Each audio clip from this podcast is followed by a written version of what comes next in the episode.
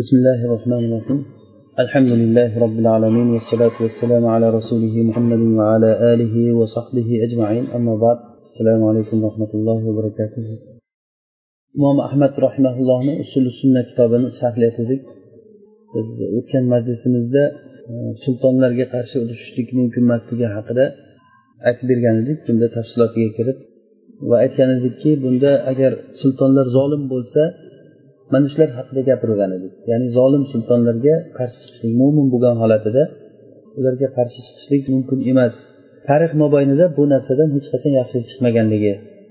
Qachon qaralsa shu narsa qon to'kilishlikka musulmonlarni halok bo'lishlikka va undan oldingi isloh qilaman degan paytda ham o'sha qilaman oldingi fasoddan ham ko'ra yomonroq fasodlar kelib chiqqanligi tarix mobaynida bizga Э, tajriba bo'lib o'tgan deb ibn taymiya rahmatullohni gaplarini keltirgandik. Bugungi e, matnda shuni davomi. Imom ahmad rahimulloh aytadilarki o'g'rilarga qarshi urushishlik va havorijlarga qarshi urushishlik joiz deydilar o'g'rilar ma'lum endi. Bu narsa o'zi asli fiq kitoblarida aytilinadigan narsa. Fiq kitoblarida. Kitabul jihatda yoki kitabul jinoyatda aytilinadigan masalalar lekin buni aqida kitobiga kirgizilganligidan maqsad bu yerda qon to'kilishligi va odam o'ldirishligi borligi uchun. Ya'ni ko'pincha musulmon kishini odam o'ldirib qo'yishligi mumkin. Bu narsada o'g'ri masalan siz uyingizga o'g'ri kirsa o'sha o'g'riga musulmon bo'ladi albatta o'g'ri kishi musulmon bo'lishi mumkin. Ko'pincha musulmon bo'ladi musulmon diyorida bo'lgandan keyin. O'sha musulmon o'g'ri sizni uyingizga kirgandan keyin siz o'zizni o'zi himoya qilib turib urishishligingiz mumkinmi? Agar urushsangiz uni o'ldirib qo'ysangiz nima bo'ladi? Mana shu masala aqidaga tegishli joyi. Agar o'ldirib qo'ysangiz siz musulmon kishini o'ldirgan bo'lasiz. Va xuddi shu kabi havorijlar bilan urushishlik havorijlar bilan musulmonlarni kofirga chiqarib turib musulmonlar jamoasidan ajralib chiqqan bir toifa deyiladi. Bu havorijlar musulmonlar imomi xalifalik bo'lib turgan paytda o'sha xalifalikka qarshi xalifani kofir deb buni atrofidagi odamlarni kofir deb ali roziyallohu anhuni zamonasida bo'lgan bu narsa e, ali roziyallohu anhu bilan muaviya roziyallohu anhu ikkalasi kelishamiz. O'rtada bizdan bir kishi kelsin sizlardan bir kishi kelsin e, tahkim qilamiz. Shu tahkim qilganimizda bular nima desa shu bo'ladi deb kelishgan paytda havorijlar shunda ali roziyallohu anhuni ham boshqalarni ham musulmonlarni kofir deb musulmonlar jamoasidan chiqib ketgan. Ular juda havorijlarda ibodatlari maqtalingan. Hattoki sulh qilamiz deb oldiga borgan kishilardan naql qilinadi. Ibodatlarni ko'pligidan qo'llari tuyani tizzalariday qavorib ketganligi peshonalari qavorib ketganligi keladi. Ularda yolg'on kufr deyiladi. Ya'ni gunoh kabirani kofirlik deydi ular. Agar yolg'on gapirsa kofir bo'ladi millatdan chiqib qoladi kishi deydi. Shuning uchun ham e, buxoriy rahimaulloh sahihida ba'zi bir havorijlik bilan muttaham bo'lgan kishilardan hadis ham chiqargan. Chunki ularda yolg'on gapirishlik mumkin emas umuman. Hadisda asosan hadis chiqarayotgan kishilarga rost gapirganligi qiziqtiradi uni. O'sha uchun shu buxoriy rahimaullohga ta'na qilgan kishilar bu irjoni yomon ko'rganligidan e, birorta bir irjo bilan e, tuhmat qilingan odamlardan hadis olmadida havorijlardan oldi. Vaholanki ikkalasi ham bidatchi toifa deyilganda shunday javob beriladi. Chunki havorijlarda ularda yolg'on gapirishlik yo'q. Yolg'on gapirishlik ularda gunoh kabira emas u kufr deyiladi millatdan chiqishlik deyiladi shuning uchun ular umuman yolg'on gapirmaydi deyiladi. Imom ahmad rahmaulloh mana shu narsani joiz deyaptilar. O'zi aslida bu havorijlarni kofir deyish demaslik masalasida ulamolarda uchta mazhab bor. Birinchi mazhab abu bakr ibn arobiy rahimaulloh ochiq aytgan. Va keyingilardan subki rahimaulloh ularni kofir degan. Ikkinchi mazhabda imom ahmad rahimaulloh ya'ni rasululloh sollallohu alayhi vasallam yamruquna minaddin kama yamruqur as-sahmu ramiyati ular havorijlarni sifatlarini aytgan paytda rasululloh sollallohu alayhi vasallam bularni toifasidan hali shunday odamlar chiqadiki sizlar o'qiydigan qur'onlaringni ularni qur'onini oldida hech narsa bo'lmay qoladi. O'qiydigan qur'onlaring. Bu ibodatlaring ularni ibodatini oldida hech narsa bo'lmay qoladi. Ular dindan xuddiki kamondan otilingan o'q ovga borib tekkan paytda o'sha romiya ya'ni nishon o'q unga otilingan narsa. O'sha romiyadan o'q qanday narigi tomondan chiqsa xuddi shunday dindan yorib chiqib ketadi. Haligi kamon bir narsaga qarab otilingan paytda nishonga nishonni yetti narigi tomondan chiqqan paytda o'zi bilan birga nimani olib chiqadi? Ba'zi bir qonlar yoki bir narsalar bo'lishi mumkin. Juda ham tezlik bilan chiqadi. Chiqqan paytda ham va qayerdan chiqishligini odam bilmaydi. Rasululloh ularni dindan chiqib ketishligini mana shunga o'xshatganlar shu hadis bilan ular aytganki ular dindan chiqib ketgan havorizlar kofir ular degan. Ikkinchi mazhab e, imom ahmad rahimaullohni mazhabi ular kofir emas mo'min ular. Birinchidan ular shahodatayni aytgan odamlar ikkinchidan ularni kufri sarih bo'lgan emas. Uchinchidan salaf solihlarga qarasak havorijlar bilan mo'minni muomalasini qilgan. Va shu mazhab rojih mana shu biz e'tiqod qilayotgan narsamiz shu inshaalloh. Havorijlar ular imom ahmad rahimulloh shuni aytyaptilarki ular kofir emas lekin ularga qarshi urushishlik joiz degani. Bu masala ancha jiddiyroq masala. Ba'zi bir agar mulohazali narsalar bo'lsa keyin inshaalloh darsdan keyin mulohaza qilsak bo'ladi imom ahmad aytadilarki agar o'g'rilar va havorijlar e, bilan urushishlik joiz agar kishiga nafsida va molida ular qarshi chiqsa kel molingni ber desa yoki seni o'ldiraman desa o'shalarga qarshi chiqishlik bo'ladi.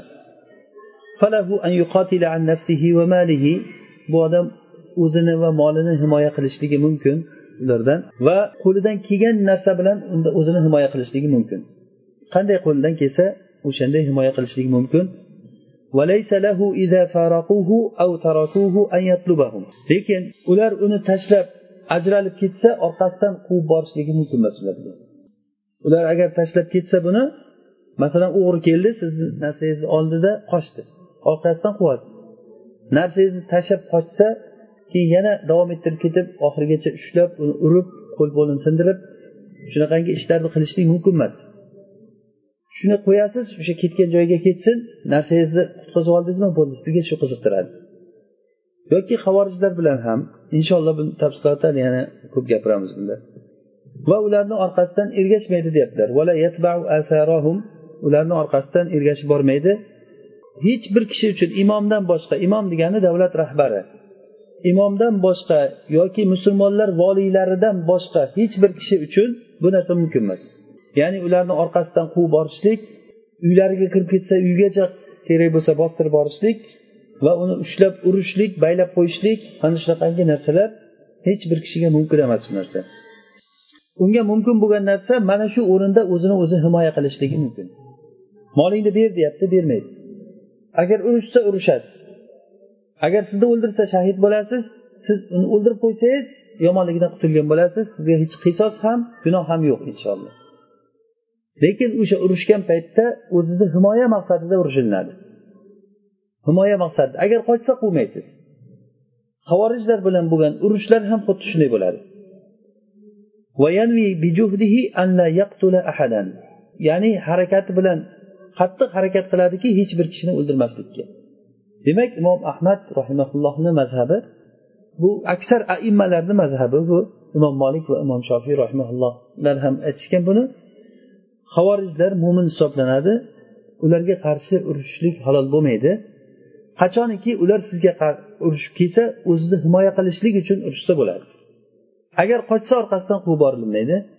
Agarda jarohatlanib qolsa uni jarohatni oxiriga yetkazib o'ldirib oxirigacha o'ldirib yuborilmaydi. Hushdan ketib yiqilsa agar o'sha yerda uni yiqilgan joyida urib jarohatlanilmaydi. Agarda o'zini himoya qilishlikda urush maydonida o'lsa u maqtulni alloh taolo o'zi yiroq qilsin undan hech qanday kishiga mas'uliyati yo'q. Ya'ni qisos yoki gunoh bo'lishlik shu dunyoda qisos yo'q oxiratda gunoh bo'lishlik yo'q chunki siz o'zizni himoya qilishlikda urushgan bo'lasiz.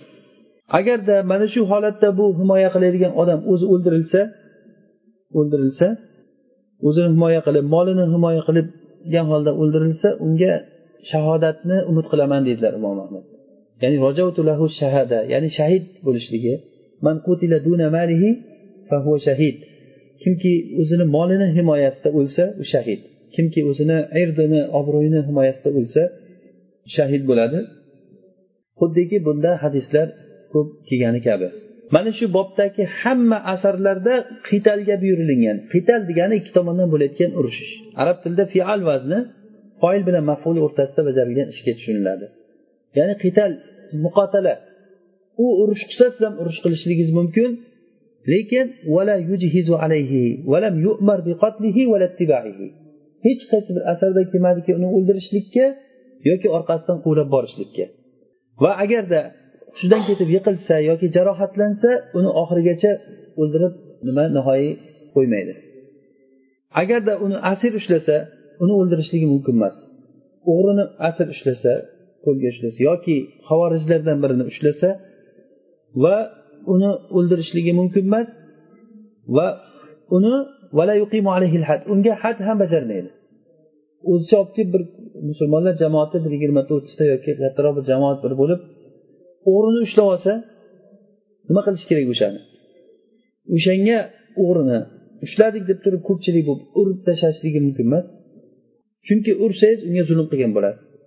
Uni asli jazosi qo'lini qirqish kerak.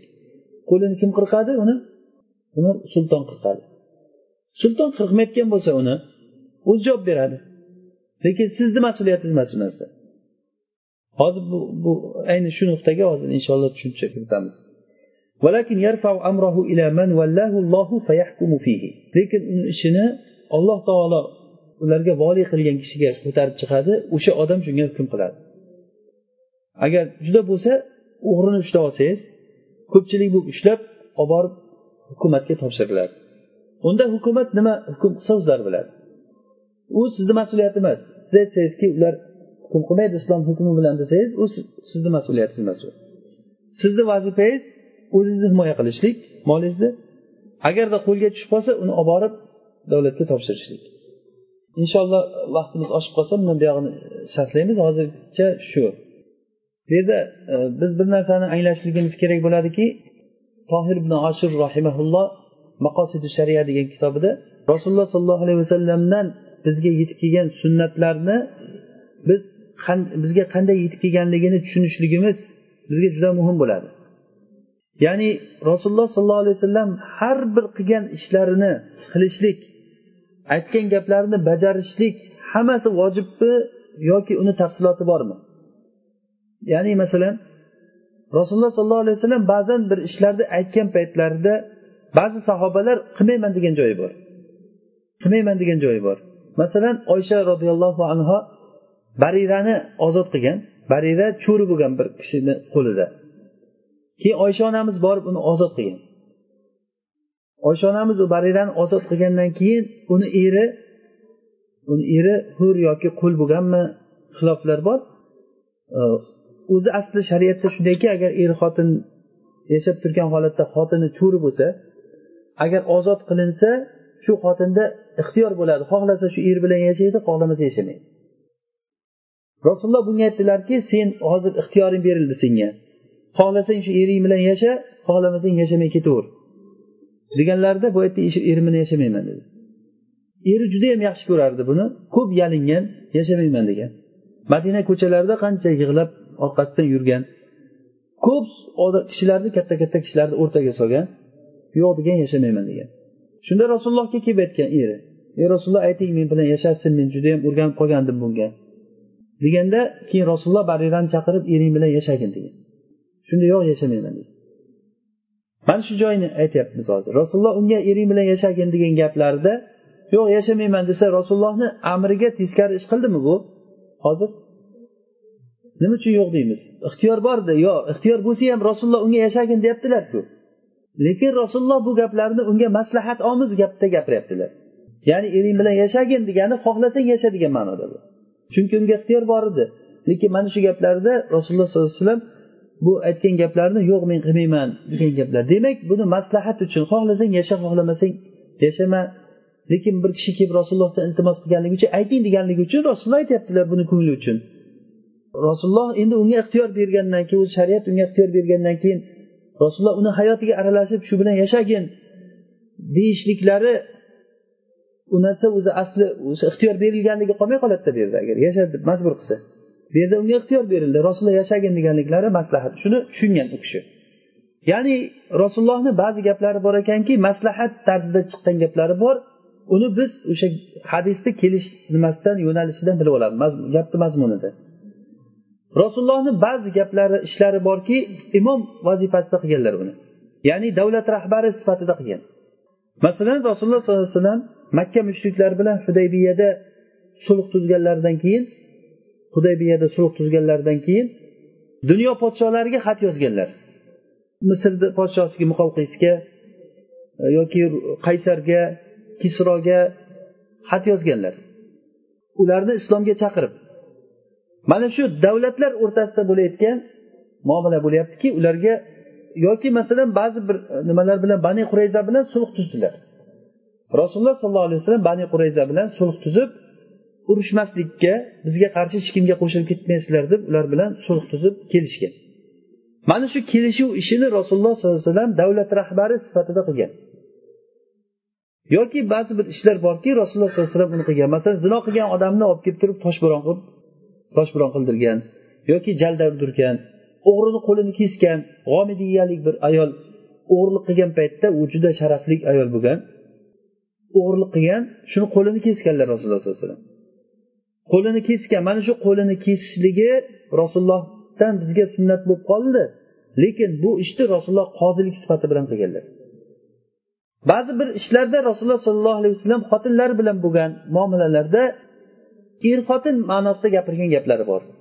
Rasulullohdan ba'zi bir gaplari borki va u ko'pi rasulullohdan aytilgan gap bizga hidoyat bo'lishligi uchun aytilingan aksari shunday.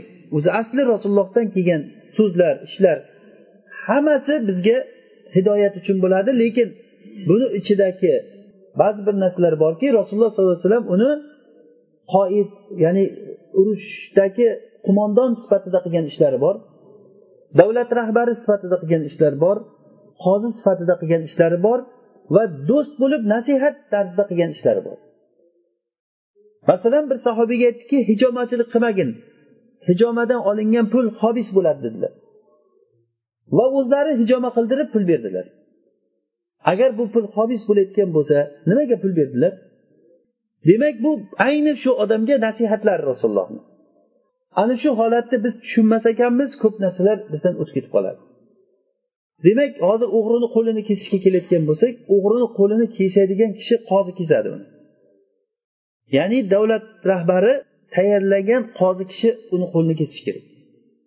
Agar u qozi bo'lmayotgan bo'lsa qozi kesmayotgan bo'lsa o'zicha kelishib olib besh o'nta odam bitta o'g'rini ushlab qo'lini kesib yuborsa agar ular katta xatoga yo'l qo'ygan bo'ladi.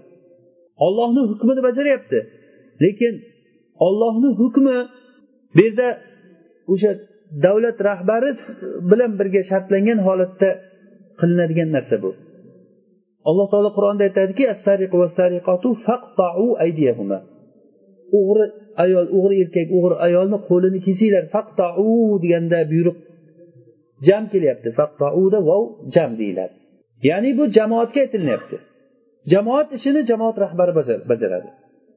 Bu mana shu narsa biz uchun isloh bo'ladi. Uni o'g'rini olib kelib isbot qilib qozi hukm chiqarib qo'li kesiladi agar bir o'nta odam bir to'da yig'ilib bittani qo'lini kessa ular ham kechqurun kelib buni ushlab o'g'ri deb ushladik deb uydan olib chiqib ketib olib borib qo'lini kesib yuborsa bilasizmi nima boshlanadi keyin musulmonlar o'rtasida? Fitna boshlanadi. Uni isbotlash kerak unga hukm chiqarish kerak albatta bu narsaga qozi kerak bo'ladi. Keyin hozirgi nimamizda o'g'rinidan o'zini himoya qilishlik bobida yana bitta aslga biz e'tibor berishimiz kerak. Musulmon kishini moli joni obro'si harom. La yahillu damu muslimin illa bi ihda salatin deyilgan hadisda. Musulmon kishini qoni uchta narsa bilan halol bo'ladi. Birinchisi agar uylangan kishi zino qilsa toshbo'ron qilib o'ldiriladi va annafsu bin nafs ya'ni odam o'ldirgan odam qisosan o'ldiriladi. Ana o'sha qisosda ham olayotgani davlat rahbarini ishi. Qozini ishi. Siz borib qoziga arz qilasiz men shundan o'chimni olishligini talab qilaman deysiz. Qozi o'sha jinoyatni isbotlab bo'lgandan keyin sizga o'ch olishlikka ruxsat beradi. Mana shu agar o'ch olganingizdan keyin keyin uni qarindoshlari sizga qarshi urush qilayotgan bo'lsa sizni qozi himoya qiladi. Mana bu narsalarda hududlarda qo'l kesishlik hududlar zinokorni urishlik toshbo'ron qilishlik qisos bilan o'ldirishlik ta'zirlar berishlik jalda urishlik qamchilab urishlik ba'zan kishilarga kerak bo'lsa jinoyatlarda bo'layotgan narsalar. Mana bularni hammasida qozi shart. Agar qozi bo'lmasa agar qozi bo'lmasa musulmonlarni bitta kattasi bo'lmasa shu ishni qilishlikda bundan biz foyda uchun qilingan narsalar katta bir ziyonni keltirib chiqaradi. Bizni shariat o'zi foyda ustiga qurilgan. Maslahat va mafsadani rioyasi shariatda juda ham ko'p o'rinlarda kelgan. Qaysi bir joyga qarasangiz foyda bilan ziyon o'lchab ko'riladi. Agar ziyoni katta bo'lsa foydasi bor lekin ziyoni ham bor bo'lsa ziyoni borligi katta bo'lganligi uchun o'sha foydadan kechilinadi. Buni o'tgan darsimizda rasululloh sollallohu alayhi vasallam kabani buzib qaytadan qilishlikni niyat qildilar. Va aytdilar ham agar qavm yangi islomga kirgan bo'lmaganda edi kabani buzib qaytadan qilardim dedi. Kabani qaytadan qilishlik demak afdol bo'ladi. Lekin o'sha afdol bo'lgan ishni rasululloh sollallohu alayhi vasallam qilmadilar. Nima uchun? Yomon birda odamlardan yomonlik chiqib ketishligi mumkin. Ularni qalbida makkaliklarni qalbida kaba juda ham katta o'rinda turardi. Agar rasululloh sollallohu alayhi vasallam kabani buzsalar ular dindan murtad bo'lib ketishligi ham kutilinadi bu. Rasululloh sollallohu alayhi vasallam mana shuni o'ylaganliklari uchun ham u narsaga chek qo'ydilar qilmadilar bu ishni. Lekin aytdilar agar qavm yangi islomga kirgan bo'lmaganda edi shu ishni qilardim dedilar. Yoki munofiqlarni rasululloh munofiqlarga juda yaxshi muomala qilganlar. Munofiqlarga yaxshi muomala qilganlar ularni munofiqligini bilib turib ham odamlarga falonchi falonchilar munofiq deb aytmaganlar. O'ldiramiz deb hattoki munofiqligi ma'lum bo'lgan abdulloh ibn ubay ibn salulni sahobalar o'ldirishlikka ruxsat so'ragan paytda agar buni o'ldirsak odamlar nima deydi? Muhammad o'zini ashoblarini o'ldiryapti deydiku deganlar.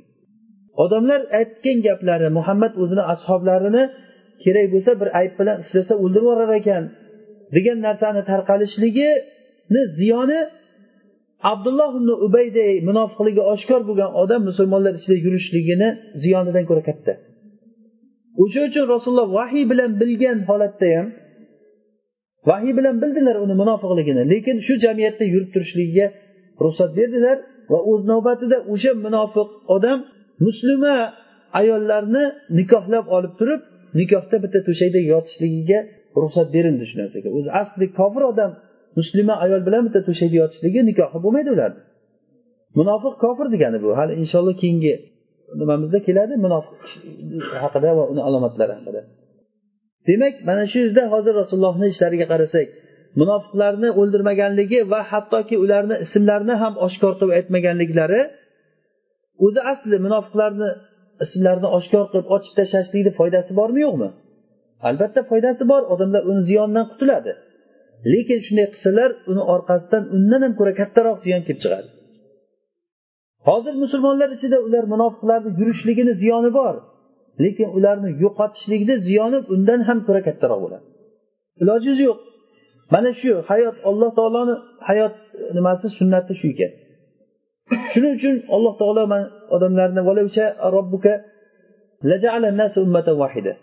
ولا يزالون مختلفين إلا من رحم ربك ولذلك خلقهم ular ixtiloflashaveradilar illo alloh taolo rahm qilgan odamlargina ixtilofdan saqlanib qoladi Alloh taolo aytyaptiki zalikani ishorasi ba'zi mufassirlar valil ixtilafi xalaqahum deb ixtilofga qaytargan. Ya'ni ixtilof uchun yaratdim degan. Alloh taolo insonlarni bir biri bilan ixtiloflashishligi uchun yaratdi degani bu. Ba'zi mufassirlar valizalikanikini rahima robbukka qaytarib ya'ni ularni rahm qilishlik uchun yaratdi degan. Alloh taolo insonlarga rahm qilishlik uchun yaratdi. Demak bu xilof qadariy bu. Ya'ni qadariy degani siz xohlang xohlamang xilof bo'layotgan narsa.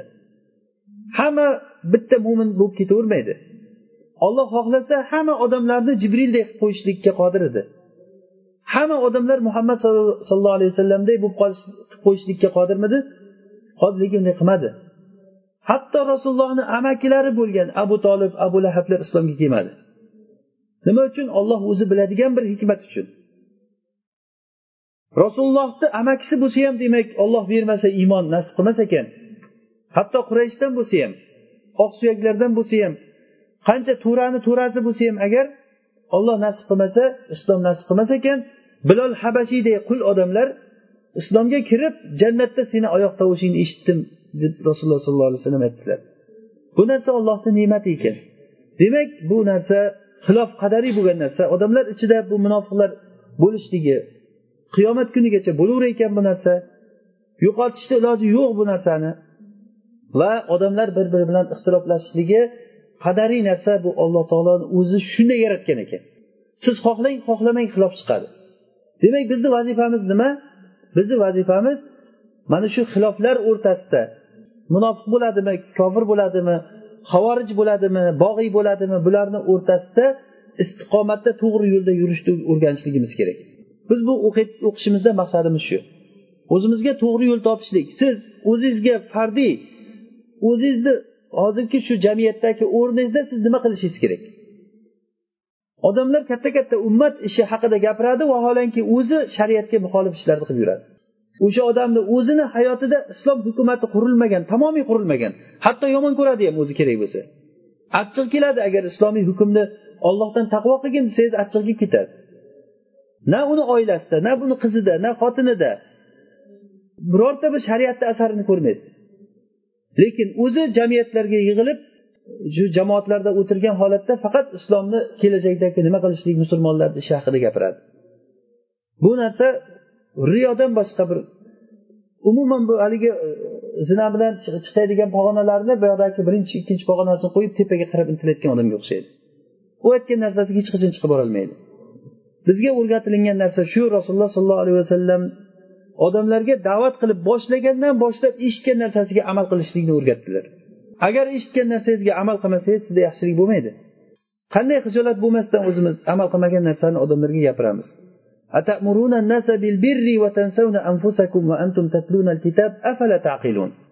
Sizlar odamlarni yaxshilikka buyurib va'z qilasizlar. O'zlaringni esdan chiqarib qo'yasizlar. Aql qilmaysizlarmi? dedilar deyapti oyatda. Demak biz mana shu uchun o'qiymiz.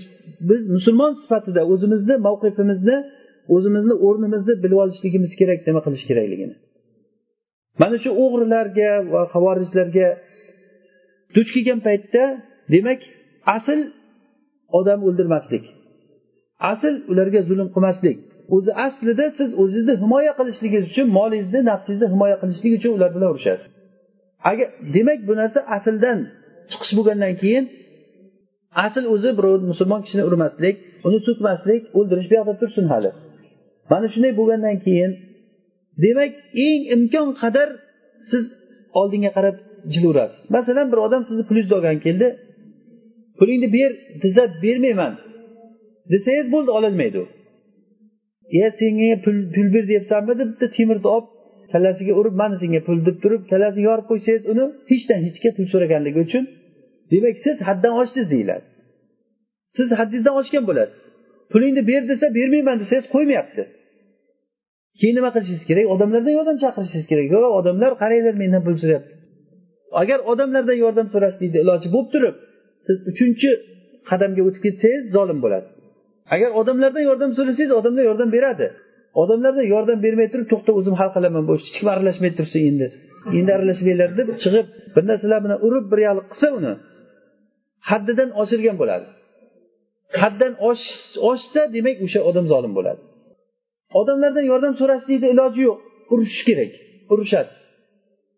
Urushganda ham haligi u bitta ursa siz ikkita urib tashlamaysiz. Qarab urushiladi o'shanda ham.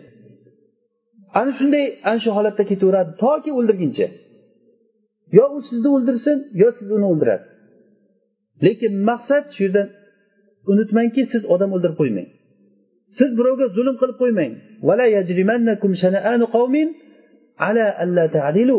Bir qavmni adolatsizligi zulmi sizlarni adolatsizlikka olib kelmasin. Mana shu oyatni juda yaxshi tushunishimiz kerak biza musulmonlar o'zi olloh asrasin olloh asragan odamlar bundan mustasno. Ko'pchilik musulmonlar to'g'risini aytsak ba'zi musulmonlar o'ziga o'zi zolim o'ziga o'zi zolim. Masalan o'g'irlik qiladi. Nimaga o'g'irlik qilyapsan desa anovchi deydi zulm qilyaptiku deydi. Men nima qilay deydi. U zulm qilayotgan bo'lsa siz ham zulm zolim bo'lishingiz kerakmi?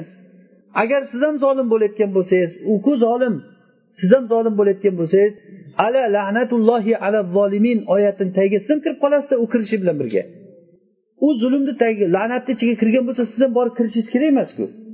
Demak musulmon odam o'zini mavqifini yaxshi bilishi kerak. Sizga nima mumkin va nima mumkin emas? Musulmon odamni obro'si moli qoni harom. U narsani qanday siz halol sanab musulmon odamni o'ldirishlikkacha boradi odamlar? Vallohi bu narsa g'irt jaholatdan va qalbni marazidan boshqa narsa emas. O'sha havorijlar chiqqan paytda ham musulmonlarni kofirga chiqarib ularni qonini halol sanaganlar johillar fitnachilar bo'lgan. Aksari fitnachilar bo'lgan o'zi asli usmonni o'ldirgan odamlar bo'lgan ular. Usmon roziyallohu anhuni roziyallohu anhuni o'ldirganlar yarimi ali tarafda yarimi muaviya tarafda bo'lgan. Oxiri keyin ular qarab turgan rosa urushga musulmonlar yetmish ming odam o'lgan.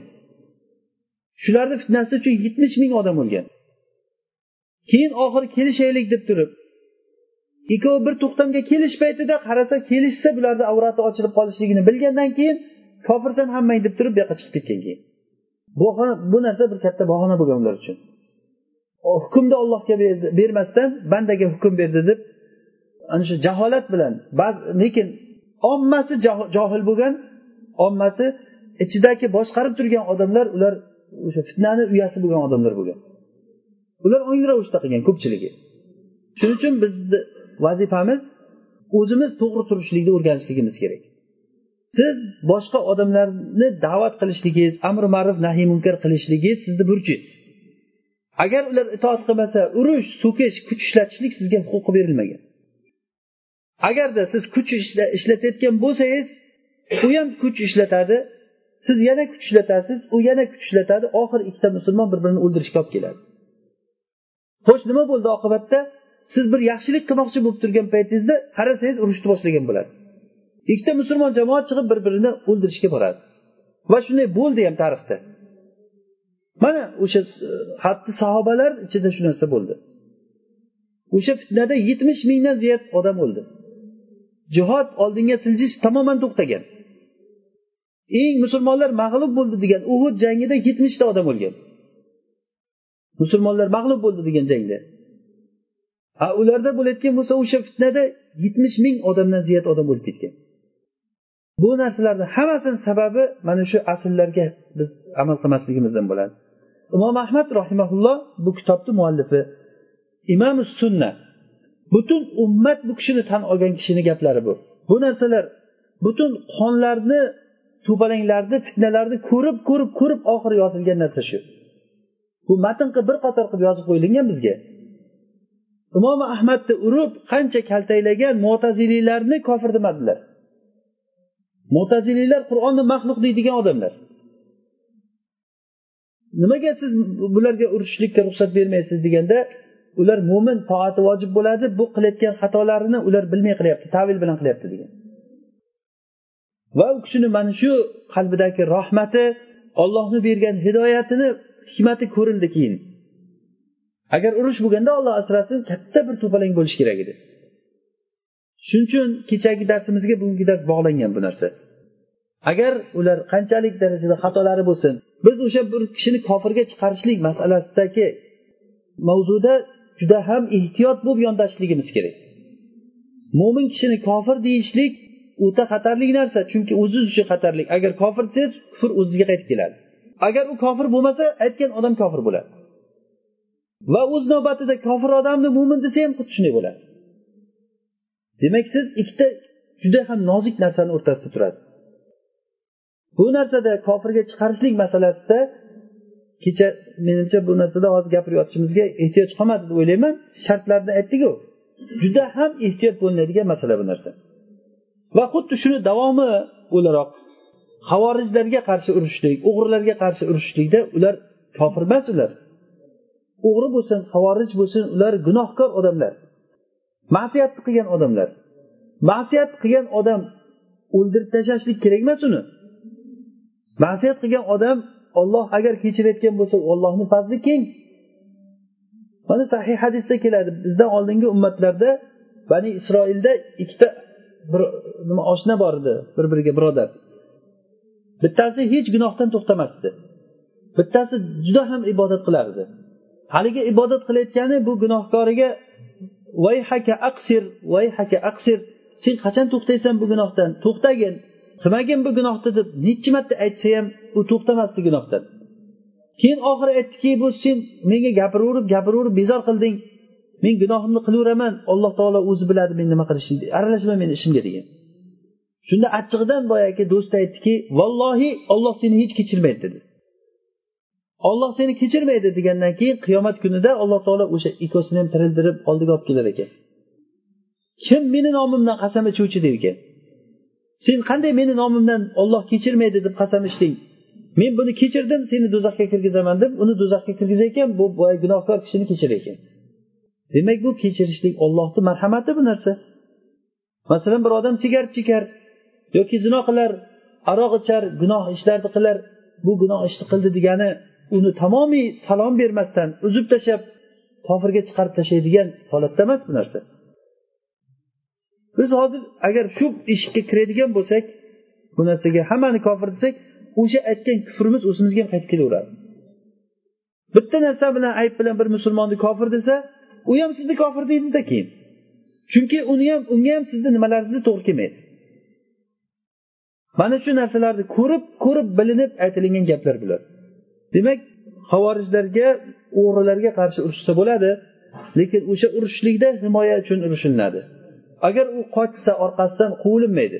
Agar borib bir botqoqlikka kirayotgan bo'lsa botqoqlikka kirayotgan bo'lsa ha qo'lga tushding deb turib ustidan tosh yog'dirib urib bir qilsangiz siz o'sha yerda haddidan oshgan bo'lasiz odam o'ldirgan bo'lasiz o'ldirib qo'ysangiz. Odam o'ldirishlikni gunohi qur'onda men o'ylaymanki eng yomon nimada kelgan bo'lsa kerak bu? Vaidda. Masalan shirk keltirgan odamlarni amali habata bo'ladi deyildi. odam o'ldirgan odamni haqida keldiki فجزاؤه جهنم خالدا فيها وغضب الله عليه ولعنه وأعد له عذابا عظيما nechta narsa aytyapti kimki agar bir mo'minni mutaammida qasddan o'ldirsa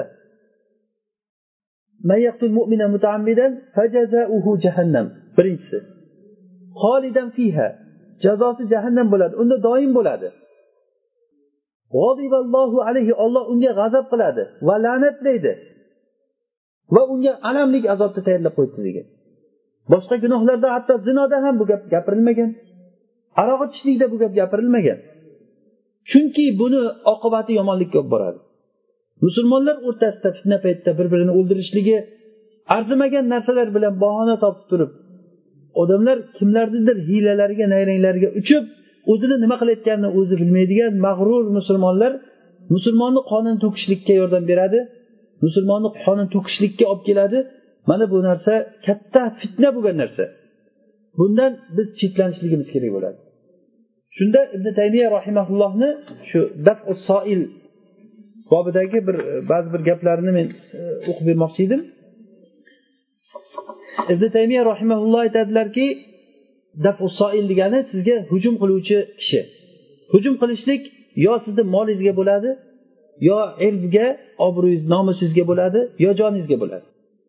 Shunda agar molingga bir kishi hujum qilsa deydilar molga hujum qilsa himoya qilishlik joiz ya'ni vojib emas.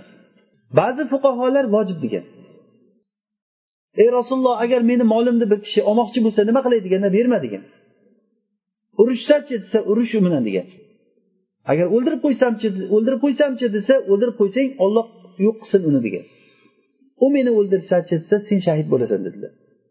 Mana bunday agar moli o'sha paytda urush degan gaplardan vojiblikni olgan ba'zi fuqarolar. Ba'zilar bo'lsa bu urush degan gaplari vojiblik uchun emas bu. Ya'ni ruxsat uchun. Agar urushmoqchi bo'lsang urushsang bo'ladi degan. Sharoitga qarab ish tutish kerak. Agar molingizni bir kishi olmoqchi bo'lsa urushsangiz bir tiyin uchun ham. O'shanda agar sizni o'ldirib qo'ysa siz shahid bo'lasiz. Lekin siz agar jonimga ziyon yetmasin deb qarasangiz zo'r kelgandan keyin e, mol ketsa ketsin xudodan topsin deb turib molni berib yuborsangiz joiz degan. Bu bu narsa molni berishlik joiz. Ba'zi fuqarolar joiz emas bu. Vojib bu urushish kerak oxirigacha olib borish kerak degan.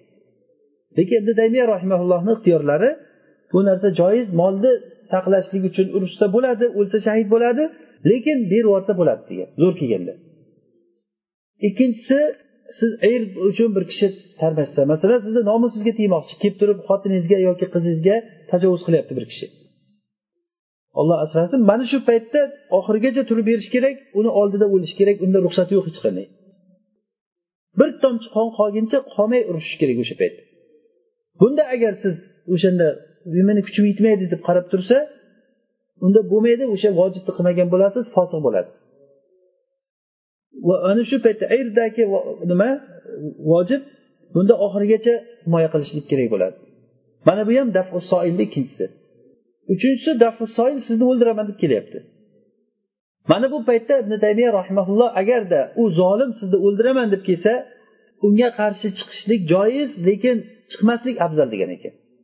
Molingni olaman deb kelsa qarshi chiqish joiz molni berib yubor ketsin mayli deyapti. Agar o'ldiraman deb kelsa o'shanda avlosi joiz ya'ni urushsangiz joiz lekin urushmaganingiz yaxshiroq degan. Buni dalili odam alayhissalomni ikkita o'g'li bir biri bilan urushgan paytda o'shanda o'g'li hobil qobilga qarab nima dedi ma ana bi yadi ilayka li aqtulak. Agar sen meni o'ldirish uchun qo'lingni menga cho'zsang men senga qo'l cho'zmayman o'ldiraver degan. Men mazlum bo'lib o'laman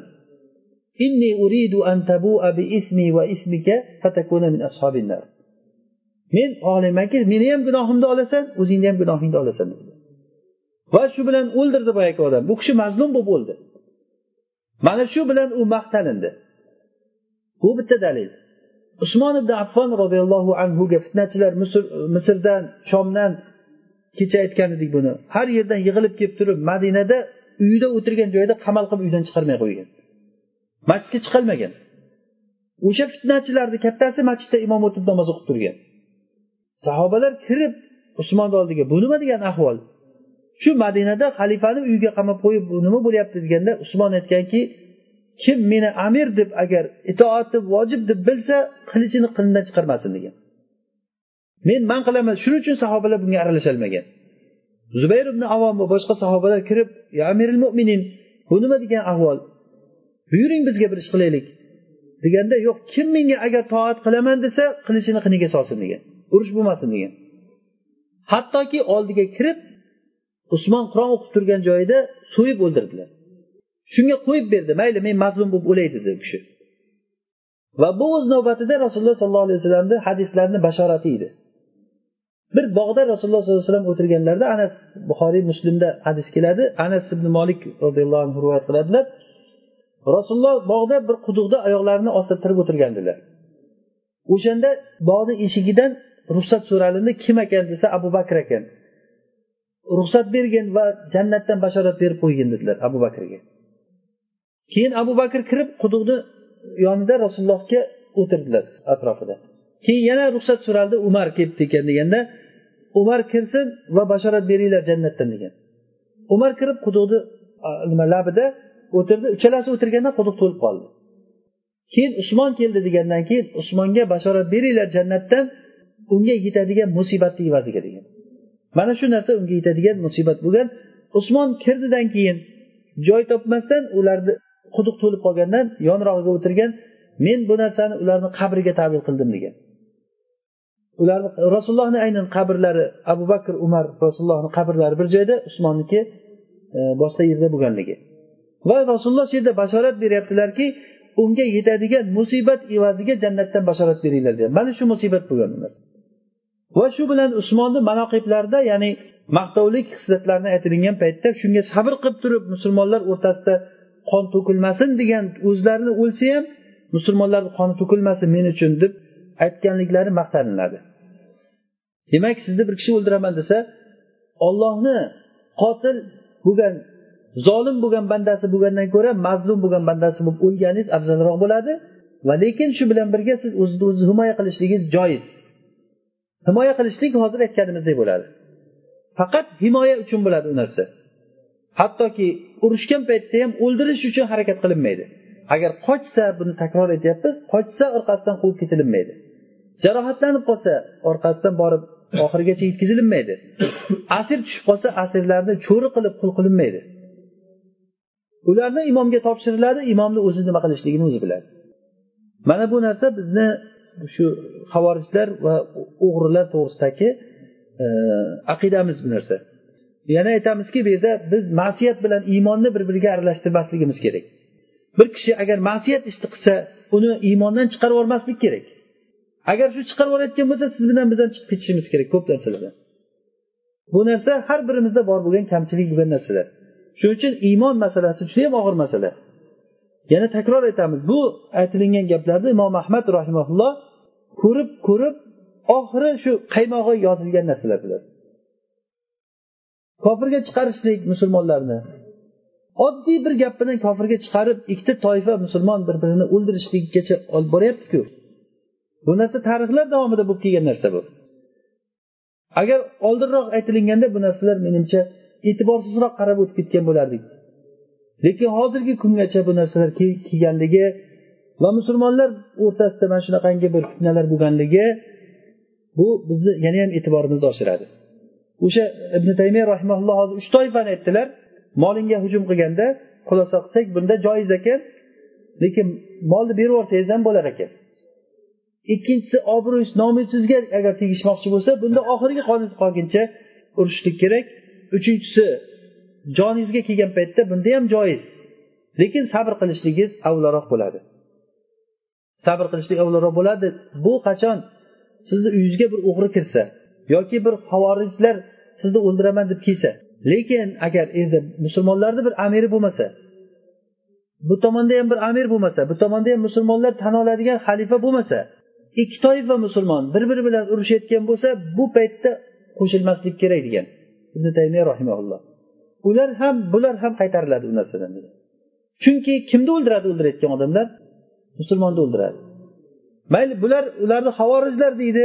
Havorij degani qoni halol degani emas u agar havorijligi o'zi hali aniq emas uni lekin havorij bo'lgan taqdirda ham qoni halol buni joni halol degani emas u uchun. Rasululloh sollallohu alayhi vasallam ularni o'ldiringlar. O'ldirgan odamda u uchun ajr bor deganliklari ularni havorijligi aniq bo'lgandan keyin musulmonlarni xalifasi tomonida turgan odamga aytilingan gap bu. Kim bo'lsa hozir o'zini o'shanga tushiradi. Xuddiki siz musulmonlar xalifasi tomonida turibsizu narigi tomondagi odam havorij u tomon bo'layotgan bo'lsa xuddiki u o'zlarini amiri borda bu yoqdagi odamlar bog'iy murtad. Dindan chiqqan odam deb e'tiborga oladi. Mana natijada ikkita musulmon bir biri bilan urushadi. Bu narsa judayam e, musulmonni qoni ehtiyot bo'linadigan narsa. Fiqiy bobga tegishli bir masala bor ekan. Agarda sizga bir tuya hujum qilib kelsa o'zi fiqh kitoblarida shu narsa aytilinadi. Deb tuya masalan odamga yeyman deb hujum qilib kelgan paytda o'sha tuyani qaytarish iloji bo'lmasa o'ldirish.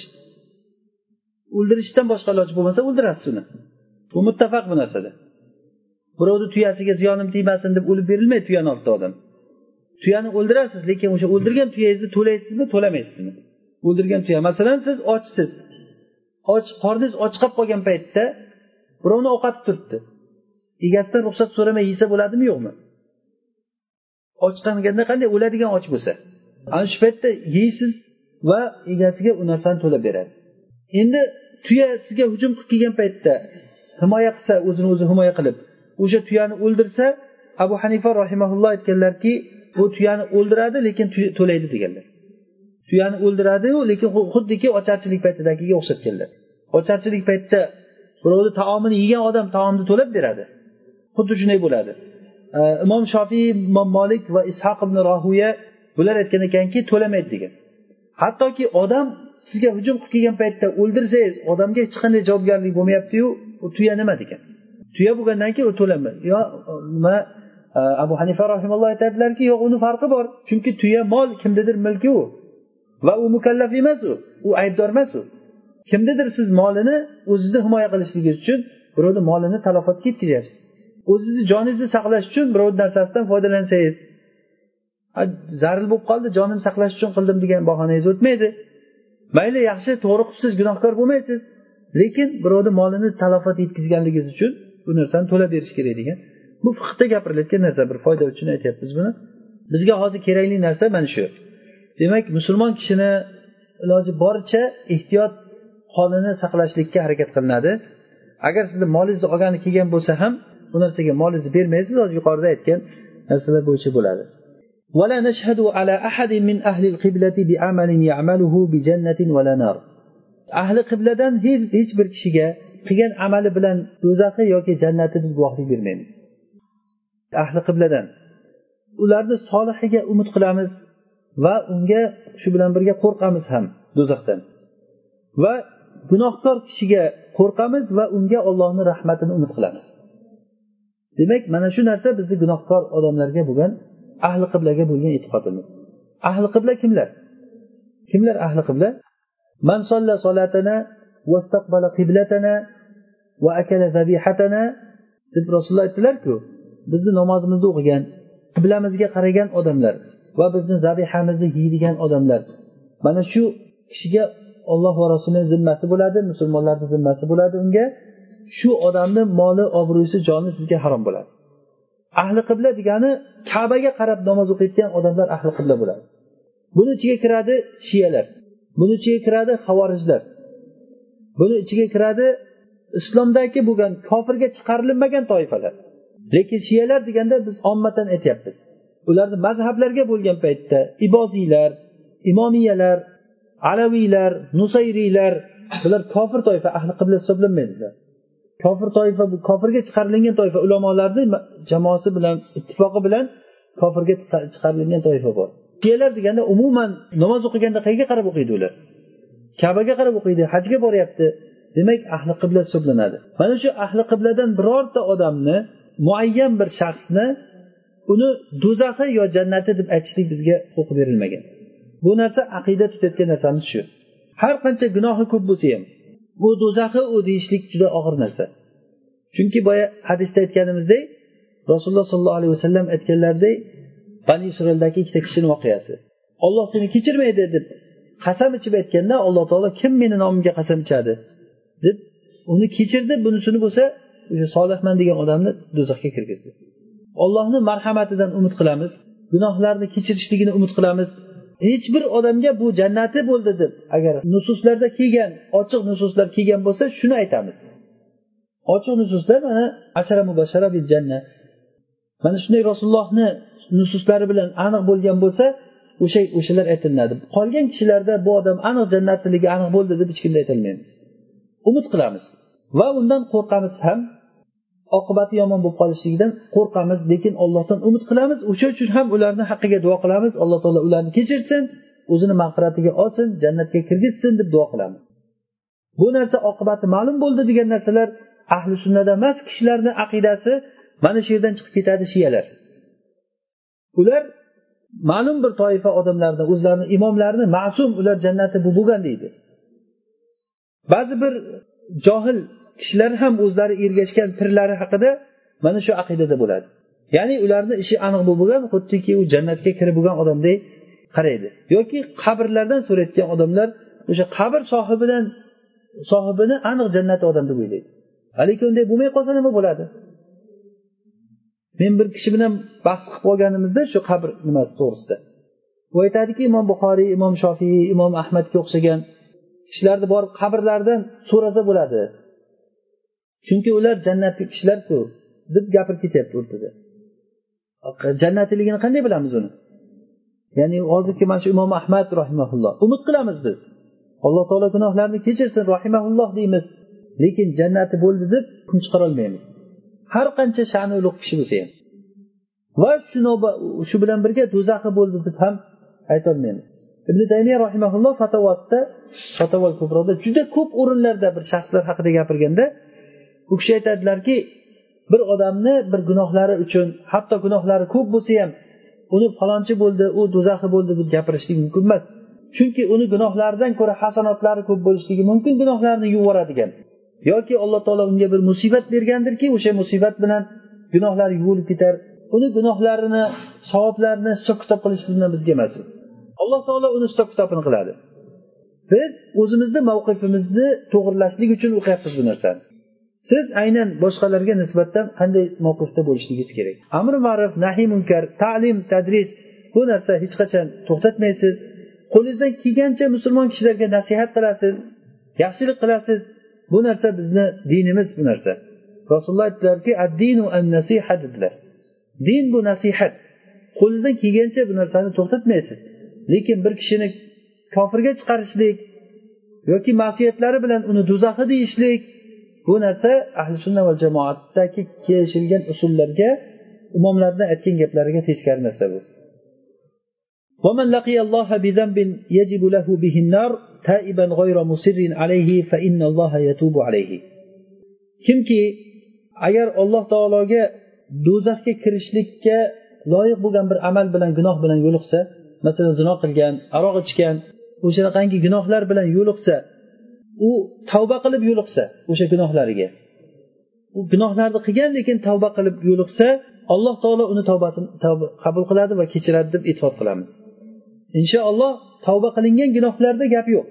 Agarda kim tavba qilmasdan o'lgan bo'lsa ana u odam ollohni xohishida bo'ladi. Agar olloh xohlasa uni kechiradi xohlamasa azoblaydi. Mana bu narsa bizni aqidamiz.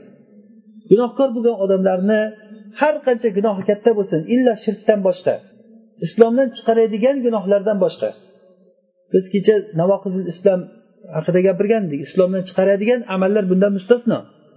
Lekin ma'siyat ishlar zino bo'lsin o'g'irlik bo'lsin birovni molini yeyishlik bo'lsin birovga zulm qilishlik bo'lsin aroq ichishlik bo'lsin yolg'on gapirganmi gunohi kabiralarni qilganmi bu ishlardan tavba qilgan bo'lsa alloh taolo tavbasini kechirib yuboradi tavba tavbasini qabul qiladi va gunohlari xuddi qilinmaganday bo'ladi. buni ochiq oydin qo'rqmasdan gapirayotgan narsamiz bu قل يا عبادي الذين أسرفوا على أنفسهم لا تقنطوا من رحمة الله إن الله يغفر الذنوب جميعا إنه هو الغفور الرحيم ey o'zlarida isrof qilib haddan oshgan bandalarim sizlar ollohni marhamatidan nomud bo'lmanglar degan alloh taolo hamma gunohlarni kechiradi olloh kechiruvchi zot allohga tavba qilaylik hozir bizni imkoniyatimiz bor Bundan oldin shu paytgacha nima gunoh qilgan bo'lsangiz hozir sidqi dildan allohga tavba qiling. Bu shu qur'on sunnadagi bir qancha nususlar shahodati bilan aytamanki bu inshaalloh kechirilib ketadi hammasi. Nol bo'ladi sahifangiz bundan katta baxt bormi o'zi? Faqat bundan keyiniga mahkam bo'ling. Bundan keyindagi narsaga ehtimol siz shu tavba qilib shu kecha agar dunyodan o'tsangiz onadan tug'ilganday bo'lib o'tib ketishingiz mumkin. Hech gunoh yo'q qilgan savob ishlaringiz hammasi nomay amalingizda qoladi. Va yomonliklaringiz uchun ham yaxshilik yozib qo'yilar ekan. Va agarda tavba qilmay o'lsa bu odam gunohlarni qilgan odam tavba qilmay o'lsa bu ollohni xohishida bo'ladi. Alloh taoloni karami keng. Xohlasa kechirib yuboradi xohlamasa azoblaydi u odamni. Lekin bu narsalarni hammasida iymon shart bo'lishi kerak. Iymondan chiqmagan odam bo'lishlik kerak.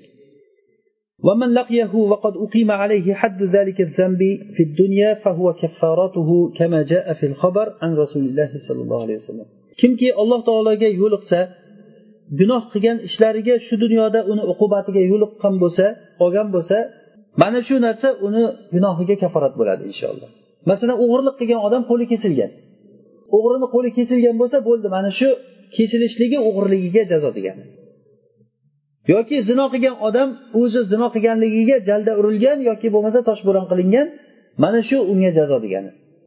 Bu narsa u uchun shu dunyoda o'sha jazo qiladi shuning uchun ham sahobalar moiz zino qilib rasulullohni oldiga kelib ey rasululloh men zino qildim meni poklang degan. Demak bu toshbo'ron qilishlik uni poklashlik bo'ladi. Rasululloh sollallohu alayhi vasallam unga sen ehtimol boshqa ish qilgandirsan xayolingga shunday tuyulgandir deganda yo'q men ochiq zino qildim meni poklang deb turib olgan rasululloh sallallohu alayhi vasallam qayta qayta unga aytdilar.